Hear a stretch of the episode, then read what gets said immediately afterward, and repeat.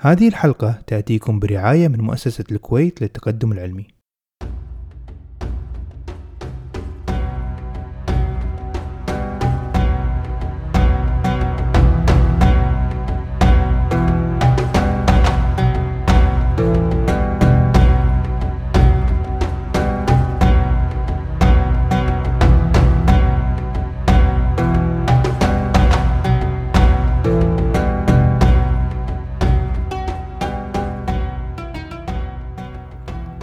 السلام عليكم. تعودنا في كل حلقة من هذه السلسلة الرمضانية أن نتكلم في الإنجازات العلمية ونخصصها لعالم من علماء الحضارة الإسلامية في عز ازدهارها في العلوم وعلى وجه الخصوص في العلم التجريبي. ولكن اليوم سنتكلم عن فريق علمي رائع ونموذج لأهمية التعاون في ميدان العلوم. والحديث هنا عن أشقاء ثلاث تفرد كل منهم بمجال وجمعهم الإنتاج المعرفي التطبيقي.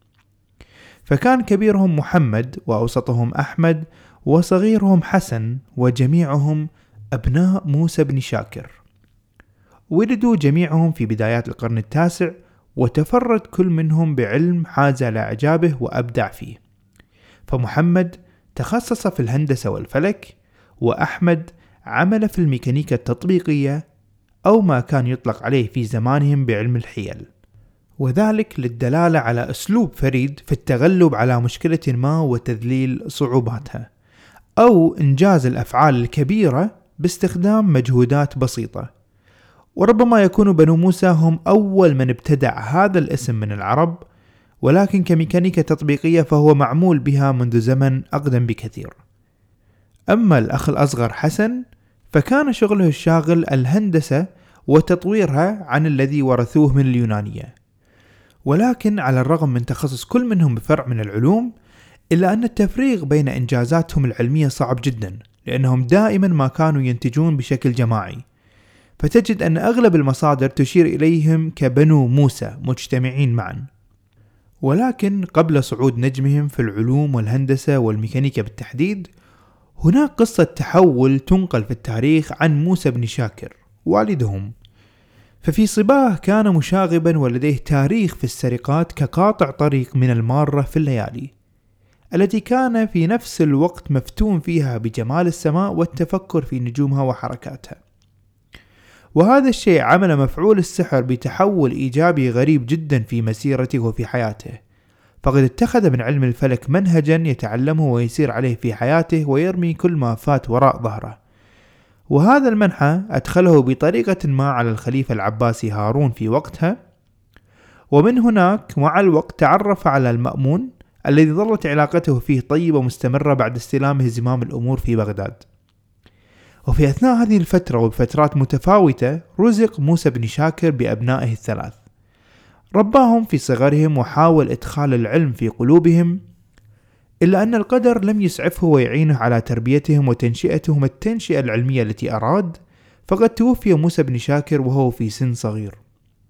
فأصبح البلاط أو المأمون وصي على هؤلاء الصبية الثلاث عن طريق إسحاق المصعبي والي بغداد حيث أمر بالاعتناء بهم في عز ازدهار بيت الحكمة في بغداد في تلك الحقبة. فكان هو المكان الذي يجمعهم للعلم. في فترة تواجد فيها الخوارزمي وثابت بن قرة والكندي وحنين بن إسحاق الذي كان صديق لبنو موسى. فلكم أن تتخيلوا أجواء المكان المفعم بالحماس العلمي. أما إسهاماتهم في ميدان العلم فالفلسفة الرئيسية لعملهم كانت التطبيقات العملية. فإذا كانت علوم اليونان في غالبها نظري فقد اهتم بنو موسى بالمحاولة لتحويلها إلى آلات تستخدم لتسهيل حياة الناس. ولكن ولأجل تحقيق هذا الغرض فعليك معرفة رياضيات اليونانيين. فاحترفوا ترجمة الكتب من اليونانية إلى العربية وتعلم الهندسة والرياضيات. حتى أن محمد لم يكتفي بما هو موجود في بغداد بل سافر في رحلة تذكرها الكتب إلى اليونان للحصول على بعض المخطوطات النادرة التي تبحث في الرياضيات وأيضا في علم الفلك. هذا العلم الذي سيكون أساس لمشروع قياس محيط الأرض الذي سنشرحه بعد قليل. أما أسهاماتهم الرئيسية مجتمعين فقد كانت في الميكانيكا. فقد أخذوا ما هو مفيد وما وصل إليه قدماء اليونانيين وطوروا عليه الكثير ليكون شيء تطبيقي أكثر منه نظري. وبرعوا اليوم بما نسميها الهندسة التطبيقية مثل الجر أو الرفع. وشرحوا ذلك بكتابهم المشهور جدا كتاب الحيل. الذي كان يكتبون فيه في بداية كل آلة نريد أن نبين كيف نعمل ويقولون اسم الآلة وبعد ذلك يبينون طريقة عملها. وهذا دليل اهتمامهم وانقطاعهم إلى التطبيق أكثر من التنظير. ومن بين الإخوة الثلاث كان أحمد أكثرهم مشاركة وإبداع ميكانيكي ولكن بشكل عام هو عمل جماعي لا يمكن فصلهم عن بعض بشكل دقيق كما أسلفت. وفي هذا الكتاب وضعوا أكثر من مئة آلة واختراع ميكانيكي يمكن استخدامه في تسهيل الأمور المعيشية وحتى في التسلية كدمى وألعاب حركية للأطفال. ومن بين أهم أعمالهم ما يعتمد على دفع ونقل السوائل أو الماء في وقتها والذي كان الغرض منه استخدامه في الزراعة أو النوافير المائية أو وصف لأباريق غير تقليدية وجرار تصب فيها أكثر من سائل فلا يختلط بداخلها أو جرار بنظام ترشيد أوتوماتيكي أو حوض لسقاية الماشية دون أن ينقص. وهذا الحوض من أشهر حيلهم المعروفة. وحقيقة لا أعلم إن كانوا قد بنوا واستخدموا هذا الحوض في الواقع أو أنه فقط مذكور من الناحية النظرية كيفية عمله في الكتاب ولكن فكرته أن يكون حوض كلما أخذت منه الماء لا ينضب ويرجع مرة أخرى للامتلاء. الحيل أو الحيلة خلف ذلك تكمن في التصميم. فالحوض الرئيسي الذي يسقي الماشية متصل بحوض آخر مخفي عن طريق أنبوب. هذا الحوض المخفي متصل بنهر قريب عن طريق أنبوب آخر وطريقة عمله كالتالي. عندما نسحب من الحوض الرئيسي يعني مثلا عندما تأتي الماشية أو أحد يسحب من هذا الماء فإن منسوب المياه يقل فيه. وبعد فترة يمتلئ من الخزان المخفي. وبذلك يقل منسوب الخزان المخفي. ووضع بنو شاكر عوامة داخل الخزان المخفي. إذا نزل منسوب الماء تنخفض هذه العوامة. وفي طرفها الآخر ذراع تدوير تفتح صنبور ماء متصل مع النهر الذي يعيد ملء كل من الخزانين. يمكن بالشرح الكلام تكون غير واضحة ولكن يمكن يكون بحث بالإنترنت تحت اسم الحوض السحري لبنو موسى فتتخيلون الفكرة بشكل أوضح. طبعا في هذه الآلة من أهم الأدوات المستخدمة كانت ذراع التدوير وهي التي تحول الحركة الدائرية إلى حركة مستقيمة أو العكس. والتي تعتبر عصب أساسي في علم الميكانيكا تستخدم في كل مكان وفي المحركات على وجه الخصوص. وكثير من حيل بنو موسى كانت على هذه الشاكلة حيث يكون هناك جزء مخفي أو غير مرئي في الجهاز يحتوي على خزانات تنتقل بينها السوائل لاختلاف الضغوط وليست كلها ذات هدف تسهيل حياة الناس مثلا إنما بعضها للتسلية ولكن في كل مرة يكون ورائها طريقة هندسية لبناء الجهاز. وشرح في ذلك الكتاب.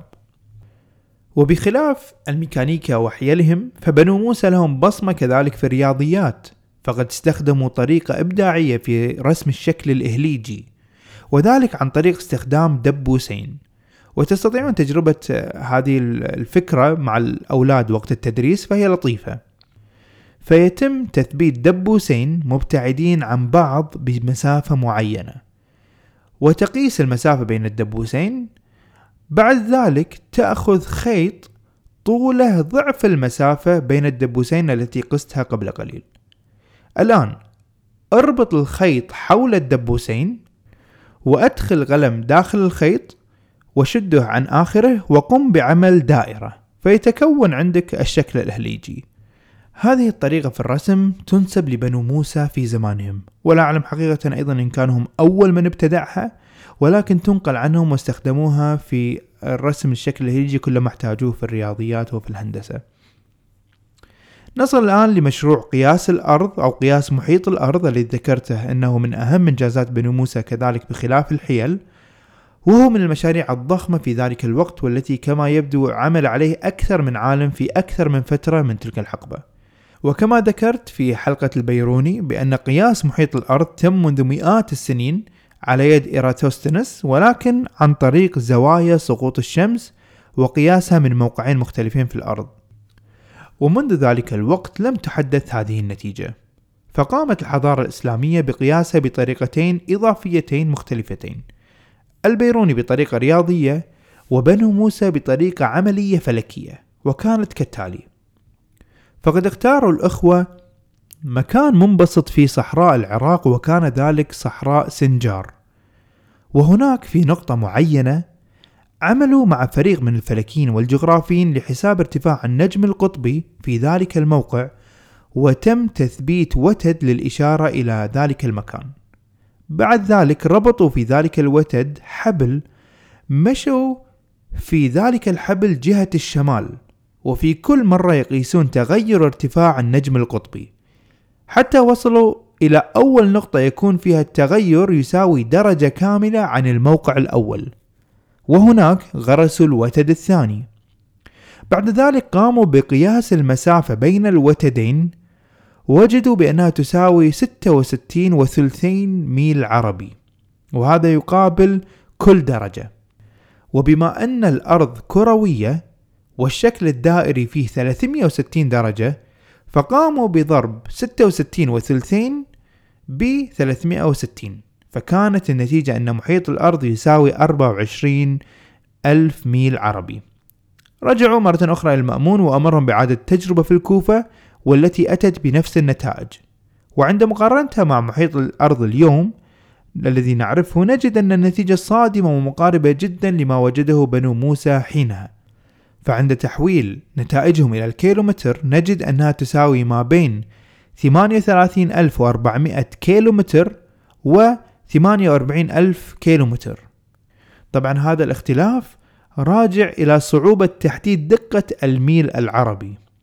أما اليوم فنحن نعلم بأن محيط الأرض هو 40075 كيلومتر فكانت التجربة عبقرية ومصدر أساسي لعلم الفلك والأرض والجغرافيا للعلماء من بعدهم. إضافة لإسهامهم الكبير هذا نجحوا بحساب طول السنة الشمسية والذي قالوا بأنه 365 يوم وست ساعات. وحسبوا زاوية البروج ب 23 درجة و35 ثانية وبهذه الحسابات قاموا بتحديثات مهمة للاعتدال الصيفي والشتوي للأرض.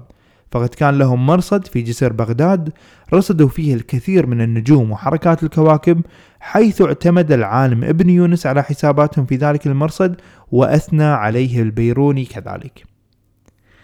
وكختام لهذه الحلقة الميكانيكا التطبيقية في عصر الإسلام لم تكن مقتصرة على بنو موسى ولكنهم كانوا سباقين على غيرهم في أو على الأقل من حيث التسلسل الزمني فكان لهم تأثير على من أتى بعدهم.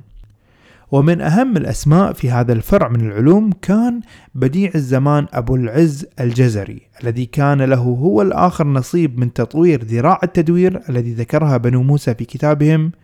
وقد أبدع بصنع ساعة الفيل المصممة بطريقة مبتكرة لإصدار أصوات كل نصف ساعة. والكثير من الآلات الميكانيكية والهيدروليكية التي أبدع فيها لدرجة يقال أنه ربما ربما ليوناردو دافنشي اطلع عليها وألهم بعض أعماله. وكل ذلك أدرجه في كتاب الجامع بين العلم والعمل النافع في صناعة الحيل. وهناك من المهندسين كذلك الذين برعوا في هذا العلم والفن في فترات مختلفة مثل أحمد المرادي أو المظفر الإسفرازي. وهذا إنما دليل إضافي على اشتغال المسلمين في تلك الحقبات بالجانب العملي وعدم اكتفائهم في التنظير أو العلوم الدينية أو الفكرية. ومن بنو موسى وباقي المهندسين ننهي هذه الحلقة لنلتقي غدا بقصة جديدة في تاريخ العلم حيث كانت لدينا فكرة ابتدأت في اليونان وانتهت في بولندا بالتحديد في كراكوفيا. ولكن قبل أن تنتهي هناك مرت بتطور رهيب في تاريخ المسلمين. والفكرة تدور حول مركزية الأرض ونظرة الإنسان لنفسه في الكون. وهذا ما سنتعرف عليه غدا بحول الله. فإلى ذلك الحين كونوا بخير وإلى اللقاء. thank you